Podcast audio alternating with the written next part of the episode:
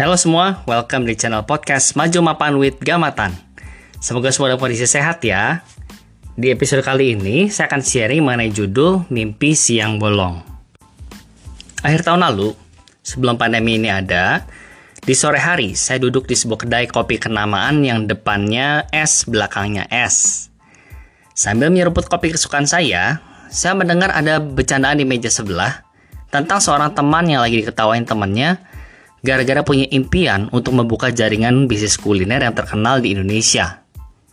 Sambil ketawa, temannya bilang, Udah, udah, jangan mimpi di siang bolong, terima aja nasib lu. Yang gitu susah banget buat didapetinnya, mana ada bakat, duit dari mana buat bikinnya. Dengan cerita seperti itu, saya jadi keinget zaman saya kuliah. Waktu itu saya sedang mengenyam bangku kuliah di universitas ternama Bilangan Cibulit, Bandung. Semasa kuliah, saya senang buat ikutan kegiatan organisasi di kampus, juga ikut seminar-seminar bisnis di Bandung. Sambil ikutin salah satu sesi bisnis, saya berpikir, kayaknya hebat ya kalau bisa bicara di depan banyak orang, kita didengerin orang, dan bisa menginspirasi kehidupan banyak orang lewat cerita kita. Tapi, dalam pikiran saya, ah, mana mungkin, mana mungkin orang mau dengerin saya. Apa yang bisa diceritain dari saya?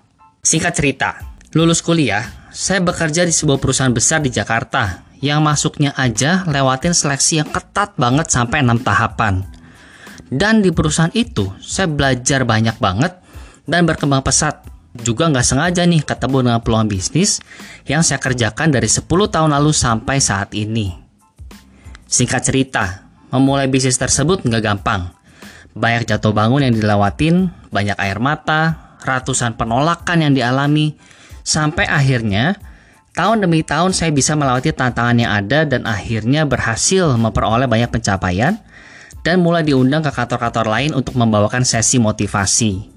Dan akhirnya hingga saat ini hampir setiap bulan saya diminta membawakan seminar ataupun training yang hingga saat ini sudah ribuan orang yang mendengarkan dan termotivasi karenanya.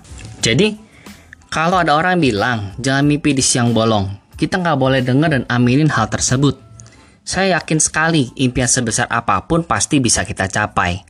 Kenapa? Saya selalu ingat dengan kata-kata kakek saya sebelum dia meninggal. Dia bilang gini, Gama, gantungkanlah cita-citamu setinggi langit. Kamu pasti bisa menggapainya. Kenapa? Soalnya kita yang gantungin. Pasti kita bisa ambil juga. Nah, benar juga apa yang kakek saya bilang. Jadi, Segala impian dan target kita pasti bisa tercapai selama memenuhi kriteria SMART. Apa itu SMART? S-nya ialah spesifik. Bagaimana impian kita itu harus spesifik. Misalnya, saya mau punya mobil. Itu nggak spesifik, teman-teman. Jadi harus sangat jelas detailnya.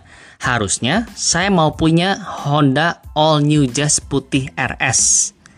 Itu baru jelas mobilnya apa, warnanya apa, tipenya apa baru secara alam bawah sadar kita akan paham apa yang akan dituju. Banyak orang punya impian tapi nggak spesifik. Contohnya, mau punya mobil dua pintu. Dapat sih, tapi bukannya BMW dua pintu, tapi ini dapetinnya pickup teman-teman. Ya, kenapa pickup dua pintu juga? Jadi impian kita harus spesifik. Yang kedua itu M, bicara mengenai measurable. Maksudnya apa? Kita perlu bisa track progresnya. Misalnya, kalau mau all new Jazz RS putih, berapa harganya? DP-nya berapa? Kira-kira di kapan kita bisa kumpulin DP-nya? Dan nanti cicilannya berapa? Dengan pendapatan yang mau dicapai, apa cukup untuk membayar cicilannya? Jadi, kalau bisa terukur, maka hal tersebut bisa kita capai. Yang ketiga itu A, achievable. Maksudnya, impian dan target kita harus bisa dicapai Jangan yang terlalu rendah juga, tapi yang cukup tinggi dan cukup seksi untuk kita kejar. Yang keempat itu R, relevan. Ya, maksudnya apa? Maksudnya target impian kita ini harus sejalan dengan impian besar kita selanjutnya. Contohnya, kita mau berencana punya jaringan bisnis kuliner di Indonesia, tapi dalam beberapa tahun ke depannya kita ada rencana juga untuk lanjutin kuliah dan akan bekerja menetap di luar negeri, tidak akan kembali lagi ke Indonesia. Berarti kita punya target dekat yang tidak relevan dengan target lanjutannya di kemudian hari.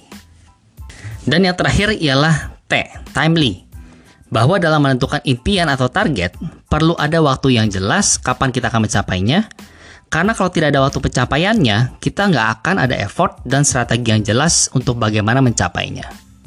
Saya jadi teringat dengan impian pertama saya, ingin punya mobil All New Jazz RS putih.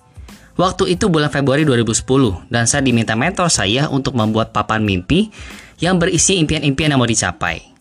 Salah satunya ialah memiliki mobil All New Jazz putih RS. Saya tulisin mau mencapai di Agustus 2011. Di saat itu saya percaya aja saya bisa mencapainya, sambil membuat strategi bagaimana cara untuk mencapainya. Nah, apa aja yang saya lakuin? Saya mulai dengan saya test drive dulu aja mobilnya. Cobain, rasain wanginya seperti apa, enaknya nyetirnya seperti apa. Nah, sambil saya menghitung berapa DP yang diperluin, berapa cicilannya, dan merubah target-target tersebut menjadi target penjualan di usaha saya setiap bulannya. Singkat cerita, Bukan di Agustus 2011 saya mencapainya, tapi puji Tuhan bisa dicapai lebih cepat yaitu di Juni 2011. Jadi, jangan pernah ada seorang pun yang mentertawakan impian kita. Kalau mereka bilang impian kita terlalu besar, terlalu muluk-muluk, dikatain mimpi di siang bolong. Ayo kita buktikan bahwa kita bisa dan atur strategi yang smart untuk mencapainya.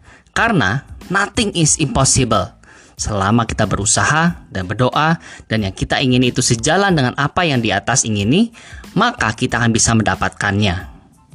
Sampai jumpa di episode selanjutnya dari Maju Mapan with Gamatan. Stay safe, stay healthy, the future is bright.